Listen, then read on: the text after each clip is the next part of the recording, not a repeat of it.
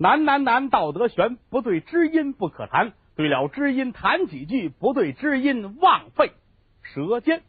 啊，亲爱的观众朋友们，大家好，感谢您收看我们的喜剧茶馆《大话刘罗锅》，马上就要上演了。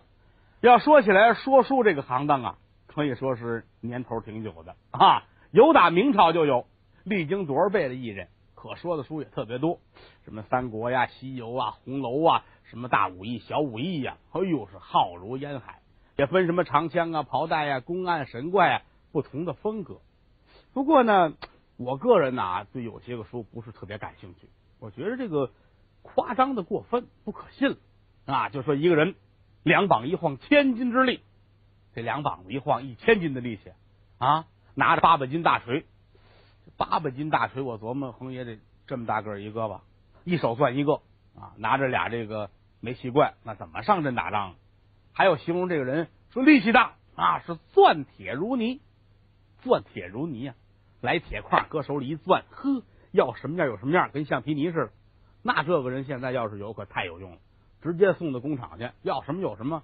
要说做漏勺，这就来来块铁块，啪啪一弄，啪啪啪一拍，噗噗噗一出眼，这就得了。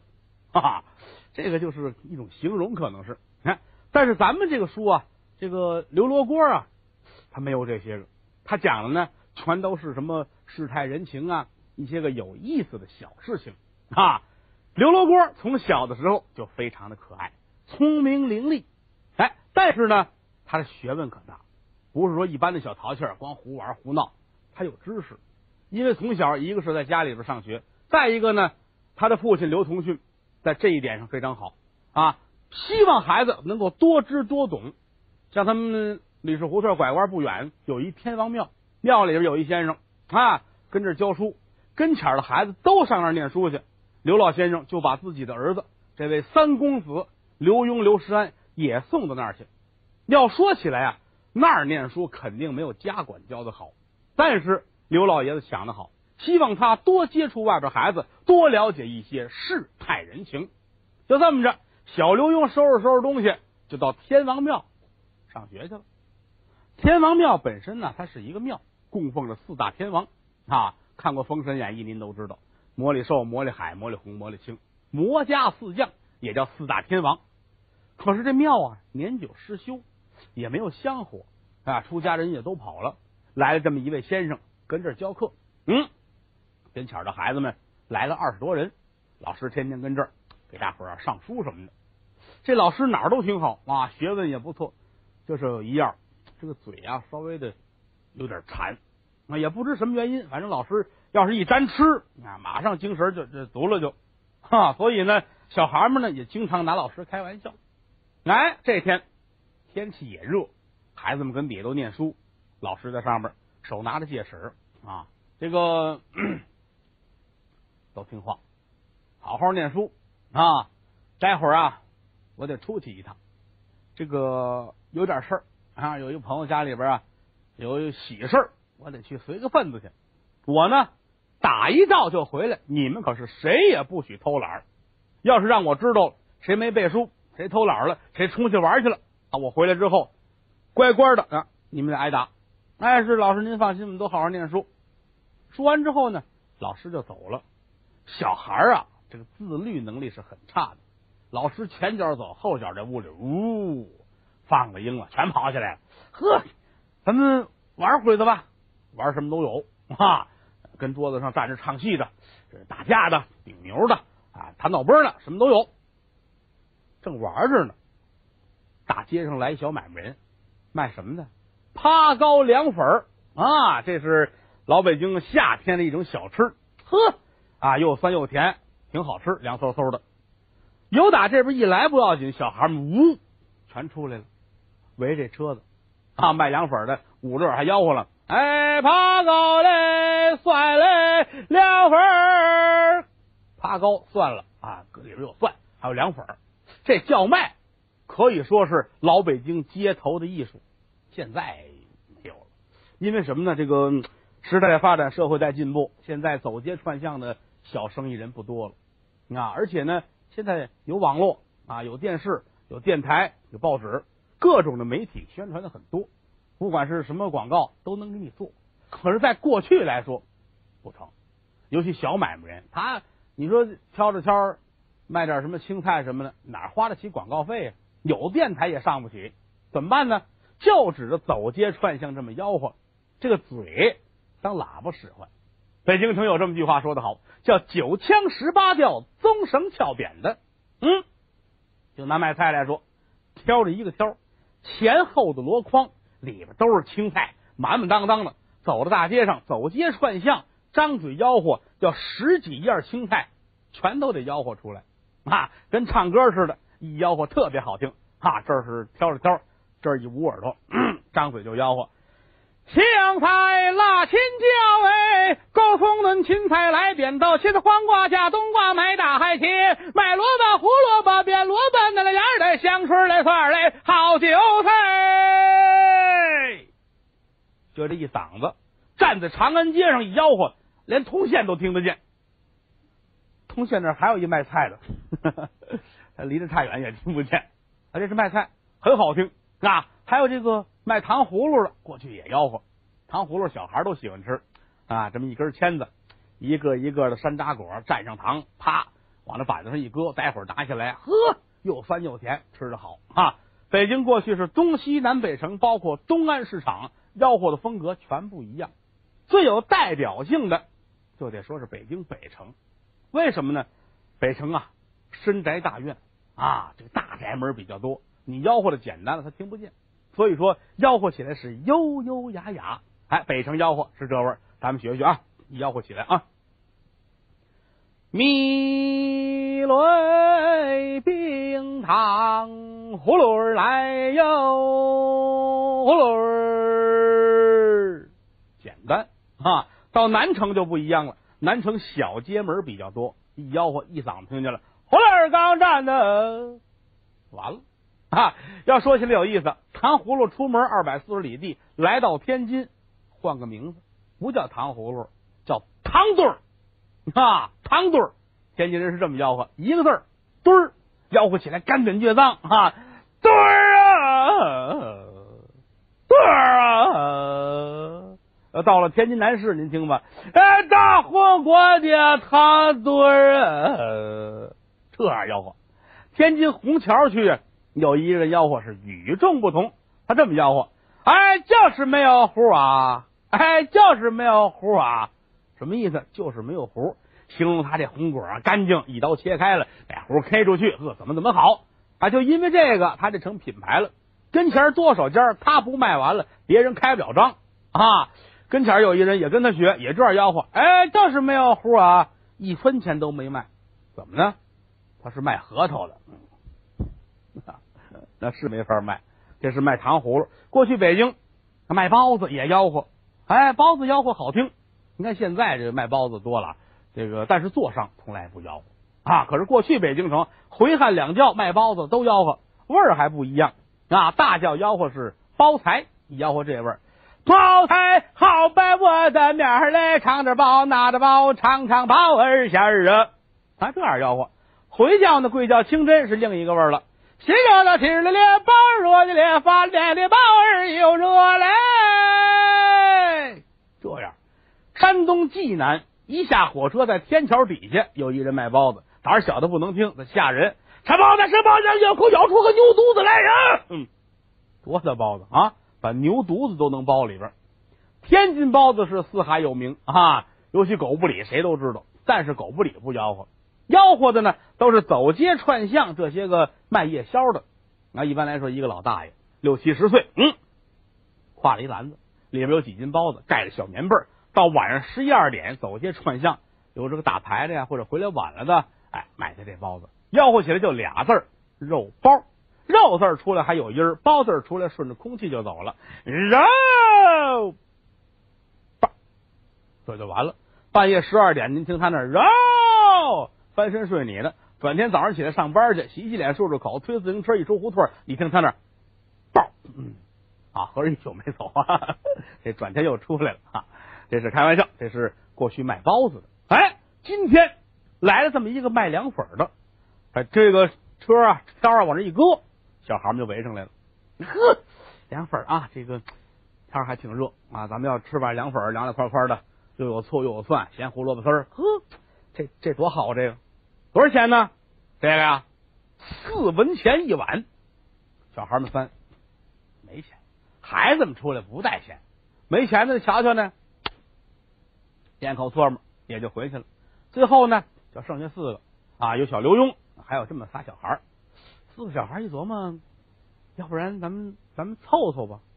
刘墉一翻兜，哎，我这儿有一个钱，大学长搁那我我这儿还有一个，四个孩子一人凑了这么一文钱，您这个我们那个四个人凑了这么一碗钱。啊，行行，拿过来搁在边上，我们要吃凉的，得嘞，挨着冰给切了一块，弄好了，搁上蒜，搁上咸胡萝卜丝儿，搁上什么酱油啊、香油啊，搁上醋，弄好了，来吧，递过来了，四个小孩捧着这高兴啊，呵。刘墉乐了，那什么，这个我我先吃。啊，我先拿出来的钱。学长说那不行，我是学长啊，你们都是得听我的呀啊。那那说不行，我最小，我我比你们仨都小，你们得让我吃。这说那不成，我最大呀，我比你们仨都大一岁啊，我吃吧。四个孩子跟这儿正抢凉粉呢，老师回来了啊？怎么回来呢？老师今儿随份子去，早晨起来挺早起来，连中午饭都没吃。啊，就为了上这赶这顿饭，没想到到那一瞧呢，日子记错了啊，是头天，晚了，气急败坏。回来之后，你一瞧呀，我这四个孩子，嗯，不听话啊，站在这儿喝凉粉儿呵，三步两步过来了，嗨，干嘛呢你们？哟，全吓坏了。哎，老师，老师，我们没没没事，什么没事，拿的什么呀？老师，这凉粉儿，孩子怎么这么不听话呀？不是让你们念书吗？谁让你们喝凉粉了？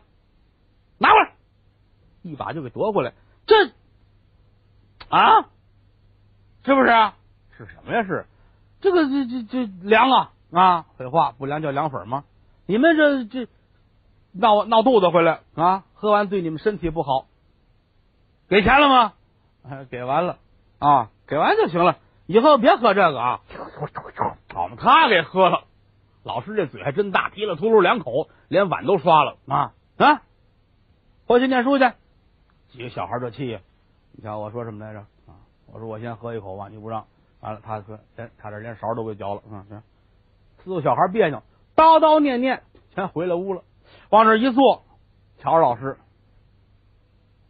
老师心说：干嘛呀？喝完凉粉，你们心里不痛快？这个是吧？是什么呀？那什么放学吧？干嘛放学？他也觉着脸上不好看啊！放学吧，说声放学，小孩们这收拾东西，怎么这么寸？就这会儿的功夫，有打天王庙以外来了四个游客，这四位是干嘛的？外省的举子。打算进北京赶考，要求取一个功名啊！来到这儿，说这儿瞧瞧，那儿看看，有什么古迹呀？咱们吟诗答对。这哥四个来了，溜来溜去，走了天王庙。哦呦呵，你瞧瞧啊！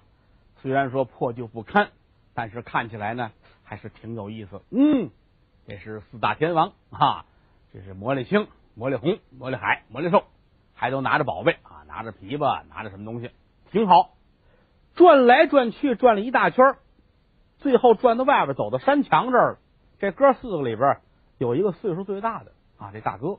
这个我说三位兄弟，哎，大哥，哈哈，这挺有意思啊。您怎么知道这儿有一天王庙呢？啊，我也是听人说的。行，不过呢，这个听景啊，可比看景强。你瞧这，破破烂烂的。那说得了，三哥。咱们溜到这儿了，这就是缘分啊！也许以后到不了这儿，咱们这样，咱们写首诗纪念一下。嗯，好，大哥说这太好了，来吧。可是也没带着笔墨纸砚，跟哪儿写呢？一低头，地上有那白灰啊，因为那个年头太多了，庙啊这个墙啊都快塌了，有掉的这一块一块的白灰。这大哥这白灰捡起来了，哎，咱们呀，就这儿，哈哈。这个墙上刷的红色，咱们跟上面写挺好，红地儿白字儿，挺醒目。来吧，我先写啊。拿这块大白，说是天王庙内大法身。嗯，有道理。天王庙四大金刚，法身很大。天王庙内大法身，挺好。来，老二，你来。老二接过来，说是身穿铠甲似龙鳞。你想啊，四大天王、四大金刚穿着铠甲啊，一片一片的，像龙鳞似的。嗯，挺好。来，老三，你写吧。老三接过来了。哦，天王庙那大法身，身穿铠甲似龙鳞。哎哎，我写是头如麦斗一般大。你想啊，泥像那大脑袋这么大个儿，可不是头如麦斗一般大吗？写完了，来，老四，该你了。这老四啊，多少这脑子迟钝一点，想了半天，哎呀，该我写了。你们哥仨写挺好啊。天王庙内大化身，身穿铠甲似龙鳞，脑袋倒有麦斗大，这么大的脑袋，他怎么这么大脑袋呢？甭问他，他吃的多呀。吃的多，吃的多，拉的就多呀。嗯，一泡大粪十五斤，胡写。写完了，哥四个一看，哎，这这挺好，那就是就是他，咱咱们走吧。哥四个走了，他们走了，小孩们也放学了。刘墉在头里边，你瞧我说什么来着？我这我说咱们咱们吃吧，你们不答应。你看这玩意儿，这是多别扭人呢啊！老师怎么这么馋呢？咱们小孩抢吃的，你也说我也说啊。刘墉一琢磨，咱们这样吧，咱们呢？咱们咱们给老师做首诗啊，咱们出出胸中这口恶气。哎，这几个字太好了，咱哪儿写呢？一回头啊，也把这块大白捡起来了，咱们就墙上。哎，老师出来就能看见，让他别扭别扭，太好了。谁先写？来来，大学长先来。大学长说：“我写什么呢？嗯，哎，这也不错。咱们呢，兄弟四人，咱们哥四个呀，兄弟四人。”这写上了啊！来来来来，你来你来，这接过来了。嗯，我写是共凑四文。对对对对对对，咱们哥四个凑钱买凉粉吗？来，呃，最你你最小这个，这接过来了。嗯，我写买碗凉粉。刘墉，该你了。刘墉拿起来，这好写，先生独吞。嗯，哥四个看看，兄弟四文。共凑四文，买碗凉粉，先生独吞，这太好了，这这太解气了。走吧，哥几个就回家了。